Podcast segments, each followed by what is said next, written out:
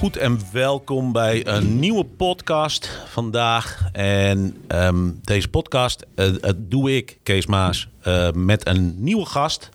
Peter Pals, de frontman van Farmers Funding. Voormalig topbankier volgens mij. De, de Rabogenen stroomden in de verleden tijd door je bloed heen. Boerenzoon ook, maar bovenal Brabander. Toch, Peter? Ja, dat klopt. Zeker, zonder meer. Ben, West-Brabantse kleigrond. Oké, is dat anders dan Noord-Brabantse zandgrond? Oh nee, dat is allebei goed. Ja? Ja. Maar als je mocht kiezen? Nou, dan bleven we bij de klei.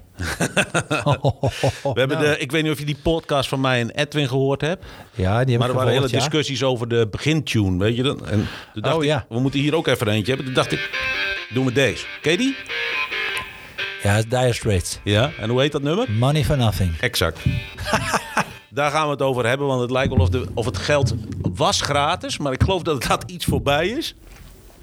Dus eh, nou, we gaan het eens even hebben over de, de, de wonderenwereld van financiering eh, in de landbouw, waar jij dagelijks in zit volgens mij. Ja. Want Zo is het. Peter, vertel eens, hè, wat, hoe ziet een dag voor jou er eigenlijk uit? Wat doe je nou eigenlijk Dat vraag ik me al jaren af. Wat doe je nou eigenlijk een hele, hele dag? Ja, dat is eigenlijk wel eh, een, een goede vraag. Ja, nou, kijk, ik ben al zo eh, van vanaf mijn twintigste jaar, dus dat is eh, nu voor het 33ste dagelijks bezig met, met boerenbedrijven en de investeringen, de kansen die ze krijgen en vervolgens hoe dat daarvoor het geld dan boven tafel komt. En dat is natuurlijk in allerlei varianten. Hè? Dat, dat mensen. Ben je dat dan een soort oliemannetje in, in, in het in aanbrengen van geld? Soms, ja. ja. Ja, kijk, dat geld moet er komen. Hè. Mooie plannen, die moeten ergens eh, van, eh, van betaald worden. Dat kan natuurlijk met de eigen verdiensten. Maar dat is natuurlijk niet altijd het geval. En ja, dan komt het van banken of van andere partijen. En ja, dat moet georganiseerd worden. Maar Dat doe ik eigenlijk al meer dan 30 jaar, Kees. Man, man, man, man. Jongen, jongen. En eh dan word je zo te zien, ja, dat kunnen mensen niet zien die luisteren, maar dan word je volgens mij en kaal en grijs van. Ja, Het slijt wel, hè? ik lijk wel een boer. Ja, denk je dat... is- we hadden toevallig hiervoor het een even samen over. Over de, de, de, de, de slijtageslag in, in je werk. Denk je dat dat werk wat jij doet meer slijt als, eh, als boer zijn? Ik heb allebei gedaan, dus ik kan het ongeveer inschatten. Nee joh, ik denk, ik, ik weet het niet joh, maar kijk, als je actief bent met je werk, daar, eh, daar leid je wat van. De kunst is denk dat je voldoende momenten zoekt dat je weer eh, zeg maar een beetje kunt herstellen. Hè? En dat moet, dat moet een boer natuurlijk ook doen en dat moet een adviseur doen en dan moet een, ja wat moet ik tegen jou zeggen, boer, handelaar, wat, wat ben jij eigenlijk dan? Ik heb ooit nog eens een keer een visitekaartje gehad met BB. En dat was niet van boer en business, maar dat was boer en bankier. Oh ja, Maar, eh, maar eh, nee, ja, ba- bankier is niks, eh, niks voor mij. Maar voor je, als je nou terugkijkt, want jij bent 30 jaar dan in, in het bankwezen of in het financiële wereld, zeg maar, en dan in de agrarische sector. Maar je hebt ook wel wat zi- zien veranderen. Van, van eerst zeg maar eh, dat vroeger de, de, de, klant met de, hand, eh, met de pet in de hand eh, kwam vragen om geld. Naar een moment dat iedereen ongeveer geld naar je toe ging gooien omdat het gratis was. Nou, nu weer in een nieuwe fase.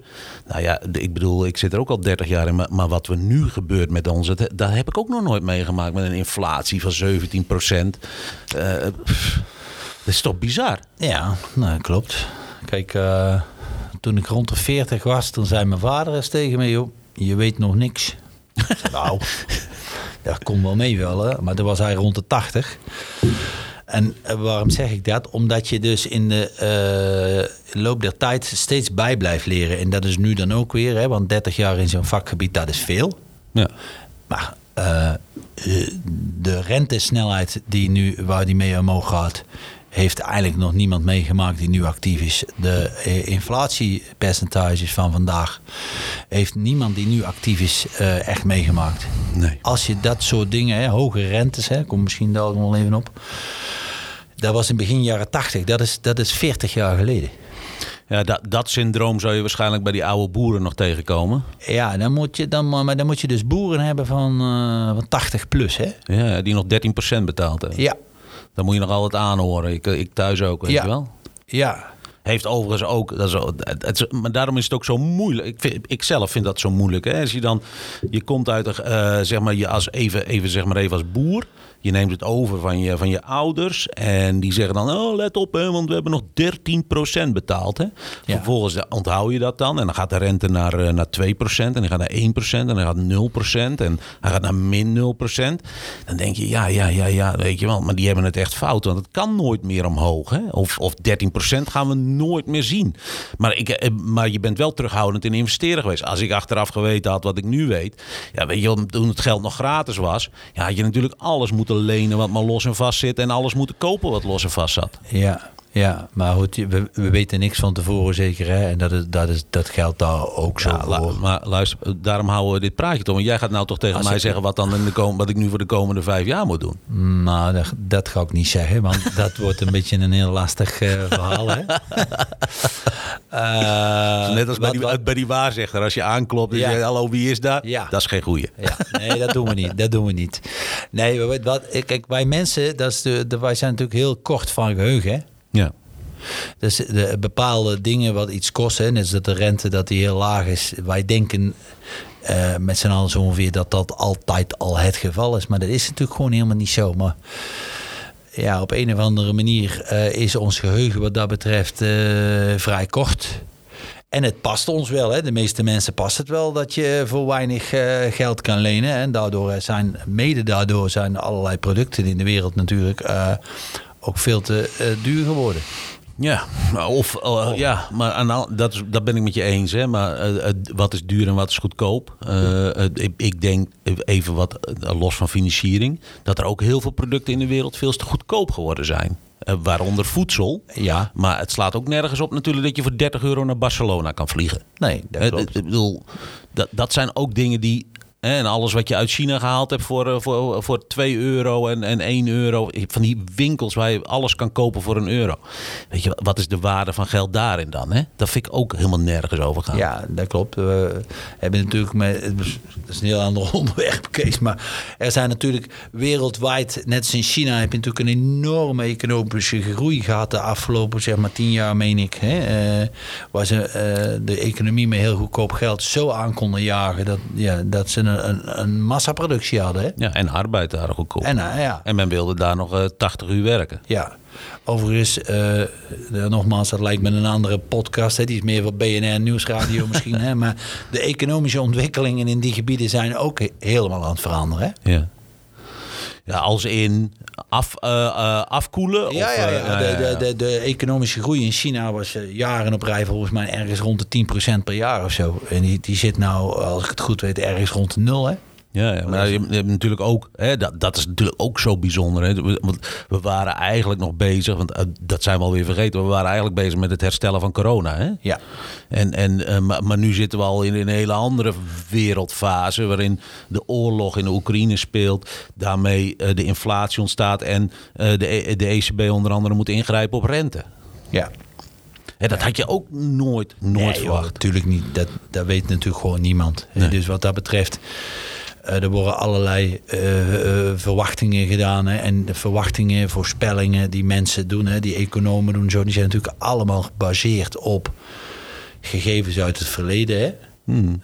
Eh, maar, het, zeg maar het menselijk gedrag, het menselijk gedrag van bepaalde wereldleiders, dat kun jij niet in een model stoppen. Nee. Nee, dat? En de reactie van de andere leiders daarop ook weer niet. Nee. Nee, dat klopt. Je kunt elk economisch model verzinnen. Maar als er geopolitieke krachten, zoals dat dan zo Ja. mooi heet. Dat geldt niet anders voor rente, maar dat geldt ook voor tarwe. Hè, als we die prijzen zien fluctueren. Of, of suiker, of noem. Hè, dat is mijn dingetje dan. Ja. Maar eh, ja, d- dat we in bijzondere tijden leven, dat, dat is wel duidelijk. En dat is wel duidelijk, ja. Ja, Even eh, terug, hè, want we, we, we, gaan, we hebben samen hier een podcast. eh, eh, ik, ik, we kunnen het niet ondertitelen, onder, eh, want dan met jouw Brabants accent, dat is nog wel een dingetje. Oh. Probeer wel zonder eh, een beetje duidelijk te spreken. Hè? ik, ho- ik hoop dat de Ja, want het is internationaal luisteren. Hè? En, eh, ik bedoel, Ik denk dat de luisteraars jou allemaal wel kennen en mij misschien ook. ja, maar kennen en verstaan zijn twee. Hè? Ja, oké. Eh, Nou. Dus ik dacht, ja, weet je wel, je- met jou aan tafel, eh, de, de, de, de, de koning van, eh, van financierend landbouw. Ehm, eh, ik denk, moet toch eens vragen of een stelling. Ik, ik dem- deponeer gewoon een stelling in het midden met jou en, en, en ehm, eens kijken wat je ervan vindt. Oh, nou, stelling is: is inflatie nou een zegen of een bedreiging voor de landbouw? Tje, Goeiedag. Nou, dit hebben we echt niet voorbereid. Dat Nee.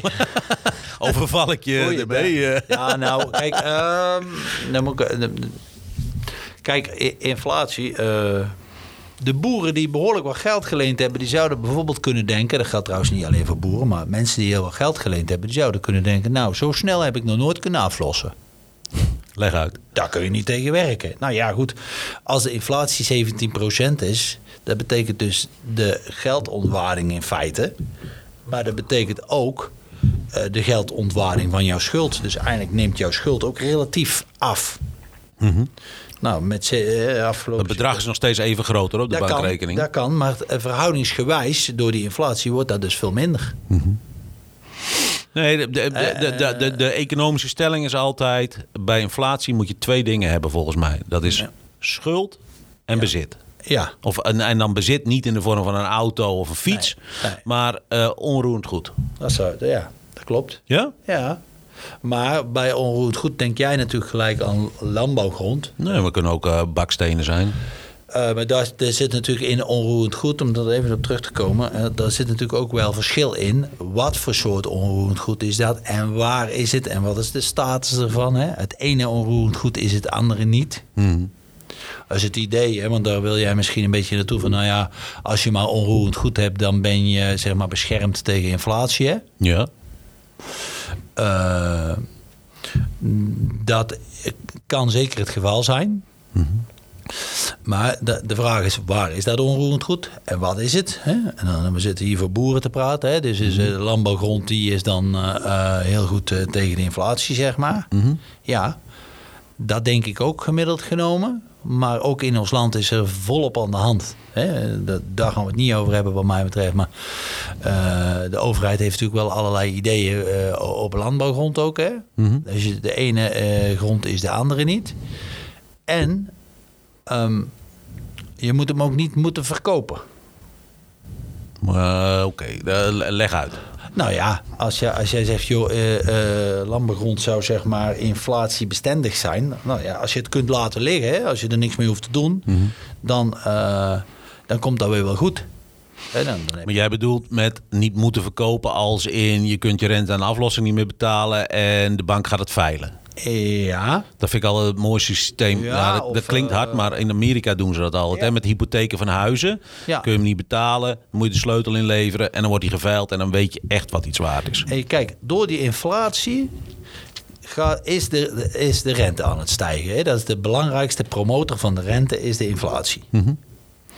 Doordat de rente stijgt, neemt de leencapaciteit van bedrijven af. Doordat, eh, ja. want jouw Ja, ja. rente... Dat is een belangrijke stelling. Door de Ja, dat is gewoon zo. eh, eh, rentestijging neemt de leencapaciteit van een bedrijf af. Ja, want jouw rentelast neemt toe. Dus even vertaald naar een stuk grond.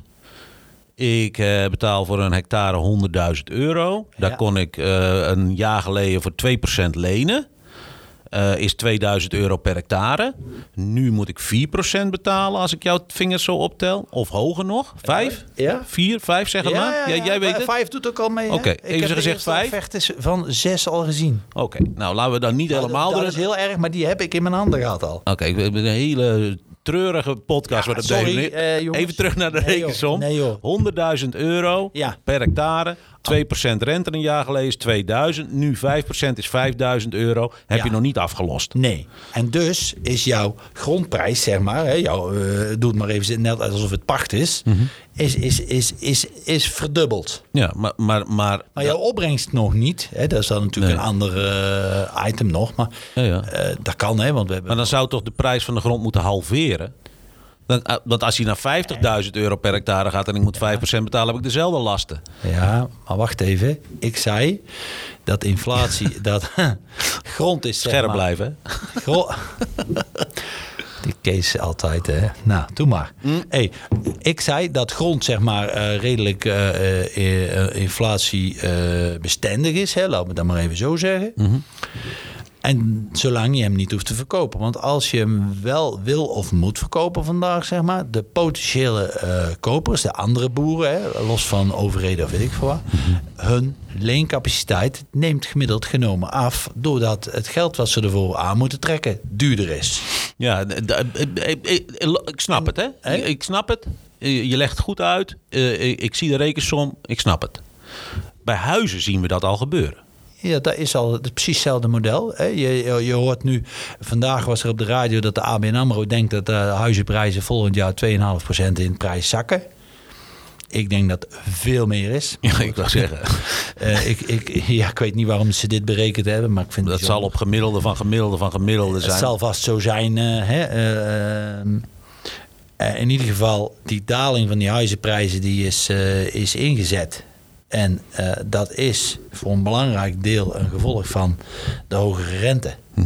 En natuurlijk, dat wordt dan nu ook nog zeg maar, verergerd door de zeg maar, eh, hoge energieprijzen die de mensen hebben. Hè. Dus ik denk dat de gemiddelde inwoner van Nederland eh zo meteen hogere energieprijs eh, per maand heeft dan hypotheeklasten. Ja, over leencapaciteit gesproken. Want als jij 3000 euro per maand verdient en je hebt 1500 euro aan rente en aflossing. En je had gedacht dat je 300 euro gas, water en licht moest betalen, maar dat blijkt 1000 te zijn. Ja. Dan heb je 25, dan hou je nog 500 euro over om eten, drinken en iets aan te trekken. Ja, nou, dan ben je zo mak, zeggen ze bij ons in Brabant. nou, dat, dat, duurt niet ze- lang. dat zeggen ze niet alleen in Brabant hoor. In de polder zeggen ze dat ook. Oh, nou, vooruit dan.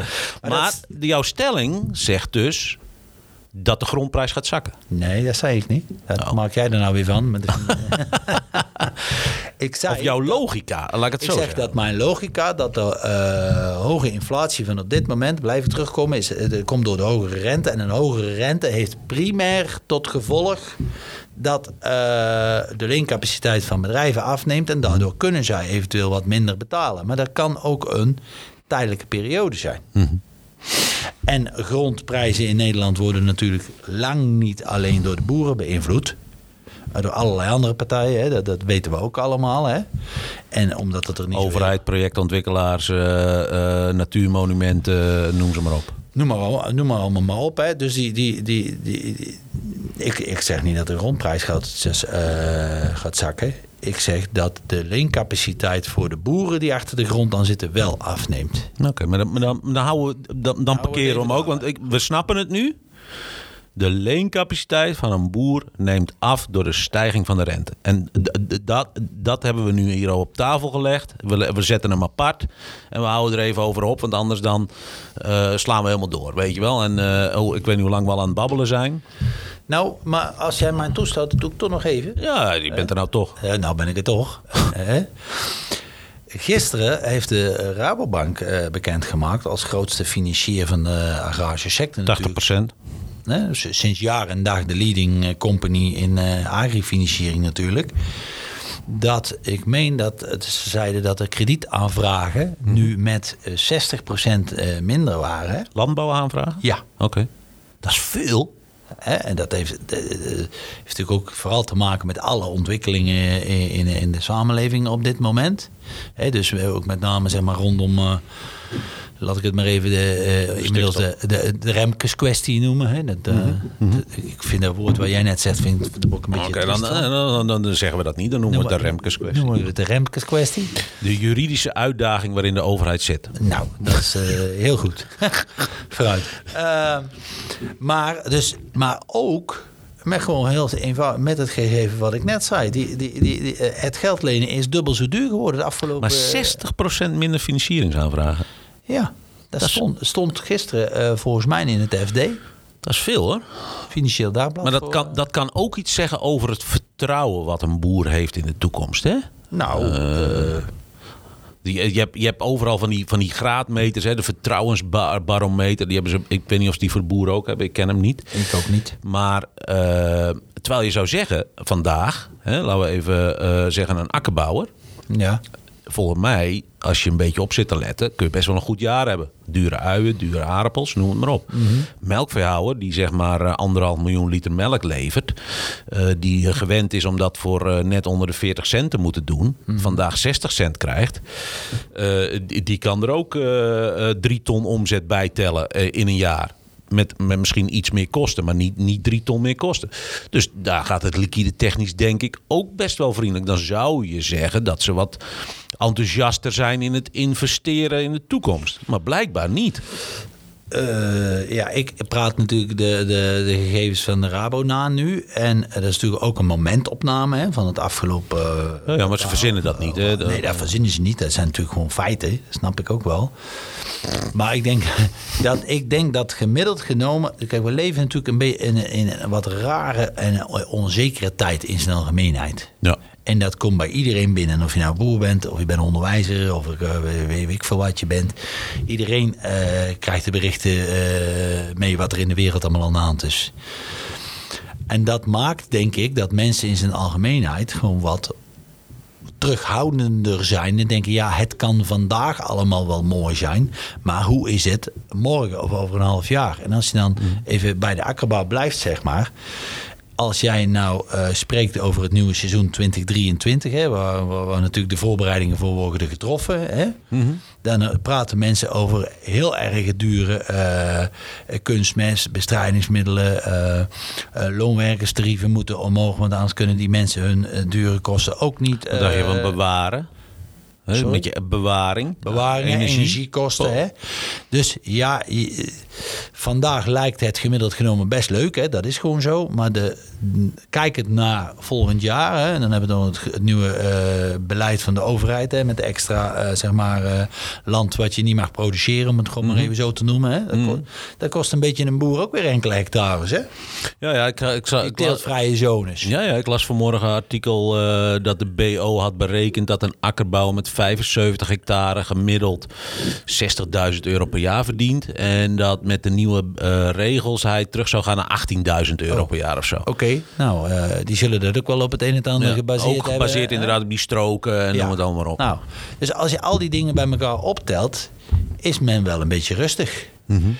En uh, nogal wat akkerbouwers die... die Die letten natuurlijk ook. Nee, maar die, die, die, dat zijn ook soort van. En overigens ook melkveehouders hoor, voordat er dadelijk heel veel afhaken. Maar die, die zijn natuurlijk ook een soort van rentmeester. Dus je, he, je hebt een boerderij. Uh, is niet, niet zelden uit de familie gekomen en die heb je doorontwikkeld. En het idee om die weer naar de volgende generatie te brengen, leeft ook nogal nog steeds gelukkig bij heel wat mensen. Mm -hmm. Dus dan, dan heb je ook wel een beetje een, een voorzichtigheidsprincipe bij je. Dat je denkt, nou wacht even, we moeten...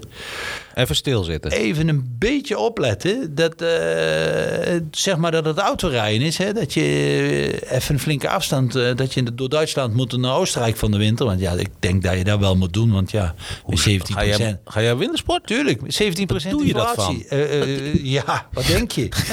dat is toch niet normaal, Van man? het redmeesterschap Alleen als je, als, je, als je bij de grens bent, dan ben je al een vermogen kwijt ja. aan benzine. Ja. Dat is toch niet normaal? Beetje die slow erin.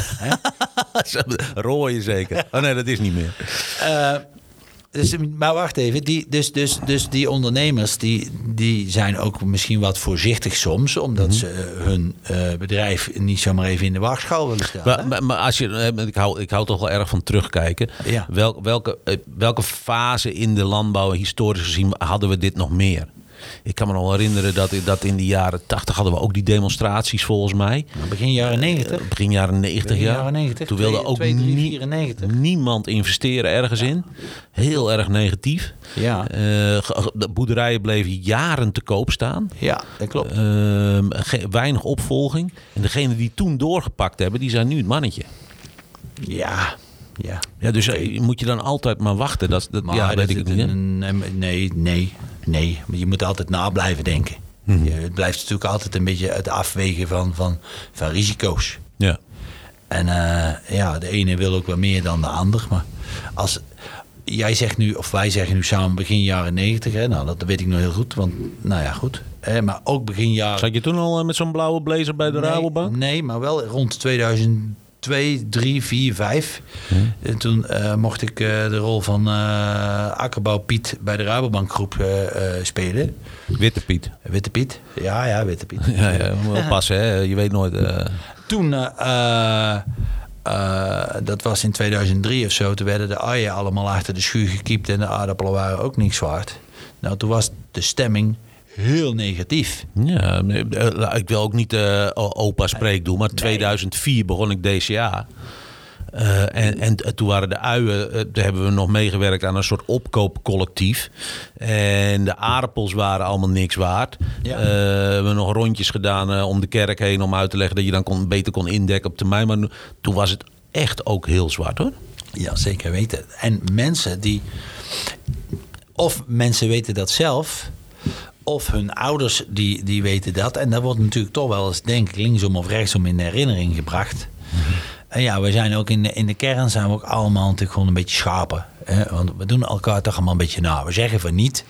Maar als de buurman wat rustiger wordt, dan denken we van... Nou, moet ik misschien ook wat rustiger doen. Zo, zo, zo- dat is Nee, toch zo, zo. maar zo werkt het. Maar dat, daar, werken mensen. Dat, dat, dat, dat is ook het, het grote gevaar als je kijkt naar de landbouw. Eh, de- het domino-effect. We hebben dat toen een keer gezien in die grondmarkt in Denemarken. Ik weet niet of je dat nog weet. Mhm. Die waren ook helemaal tot aan het strotje gefinancierd, die mannen. En toen trok één iemand trok er een speldje uit. En toen, en toen hield iedereen zijn mond. Eh, en toen moest er verkocht worden. En toen waren er geen kopers. Hè? Ja, en dan moet je. Dat, dat was echt een enorme domino. Voordat daar op een gegeven moment weer, weer vertrouwen in de markt kwam. En dat, dat, zou dat hier ook kunnen? Dat, dat, eh, ik denk dat dat niet uitgesloten is op bepaalde gebieden in het land. Hè? Want bedoel, Nederland is maar een klein land, maar ik denk al een jaar of vijf geleden had de Rabobank al een keer een heel onderzoek gedaan naar de, de grondmarkt. Hè? En toch ook verschillende gebieden aangewezen in het land. Hè? Net zo'n stikstofkaartje als eh, van eh, mevrouw van der Wal. het was wel een kaartje Ja, ja. Hè, met verschillende gradaties. En of jij, zeg maar, ga toch even de polder overslaan, of dat jij mooie akkerbouwgrond hebt liggen ergens in Zeeland. Of je zit zeg maar rondom Gouda hè, in het eh, Veenweidegebied, waar met alle respect heel veel mooie dingen kunnen worden gedaan. Maar op het land kunnen alleen maar koeien en schapen lopen. Ja. Nou ja, eh, ik eh, denk dat de, de grondmarkt zich zomaar op de verschillende gebieden die ik net even opnoem ook verschillend zal en kunnen gaan ontwikkelen. Maar ben ik wel met je eens hoor. Ik denk, ik denk dat, eh, dat je ook ziet dat, ehm, eh, bijvoorbeeld jij noemde dan net Zeeland en zo, dat, dat er gebieden zijn. Als je niet kan beregenen is het al, al eh, een, dingetje. Eh, we hebben gezien dat bijvoorbeeld het, de gebieden in Drenthe echt wel geaccelereerd zijn de laatste eh, jaren. Ja. eh, door de ontdekking van, eh, van andere teelten als zetmeel. Eh, en, en andere technieken kunnen toepassen. eh, waardoor ze andere gewassen en, en saldo's omhoog gegaan zijn. Dat is echt, ik vind als je door dat gebied rijdt, dat is echt, daar, is echt, daar gebeurt echt wat. Eh, terwijl juist in, in, in, in het zuidwesten men toch worstelt met de, met de droogte en de ontwikkeling, de grondmobiliteit. Nou ja, dan laten we het dan over Flevoland maar helemaal niet hebben. Nee, daar gaan we het niet over Het hebben, is niet maar- voor niks dat er een dijk omheen ligt. Kijk, eh, Volgens mij, hè, als het eh, app wordt, kun je zien wie er nog een broek aan heeft. Hè? Dat, oh, nee, dat wist ik niet. ja, bij, bij deze. Dus met dit, met dit soort economische ontwikkelingen gaan wij gewoon de komende paar jaar gaan wij zien eh, in welk gebied eh, mensen ontwikkeld hebben op een verantwoorde wijze. Ja. Dat weten we nou nog niet. Nee. Ja, wij weten daar wel het nodige van, maar Wij de, als de in- luisteraars nog niet. Maar dat komt nog. Ik niet, hè? Ik weet ook niet. Nee, Jij- bent de specialist Ja. hier, hè? Ik leer alleen maar want van wij je. hebben de afgelopen jaren hebben wij natuurlijk in een, zeg maar, je zou kunnen zeggen, een opgaande markt gezeten met z'n allen hè, in de landbouw, hè? Ja. gemiddeld genomen. ja, zeker. En ehm, nu, nu eh, alles wat onder druk komt te staan, nou, dan gaan we, dan gaan we eens even zien wie dat er daadwerkelijk eh, sta- stevig in zijn schoenen staat. En in- ik weet niet wie dat wel en niet zijn, hè, dat weet ik niet. Maar de- eh, als dit nog even aanhoudt, dan ontstaat er gewoon een hele nieuwe situatie. Ja. Ja, en, en, dan, eh, en, en dan ronden we ook af, hè? Ja. Want eh, eh, eh, het mooi.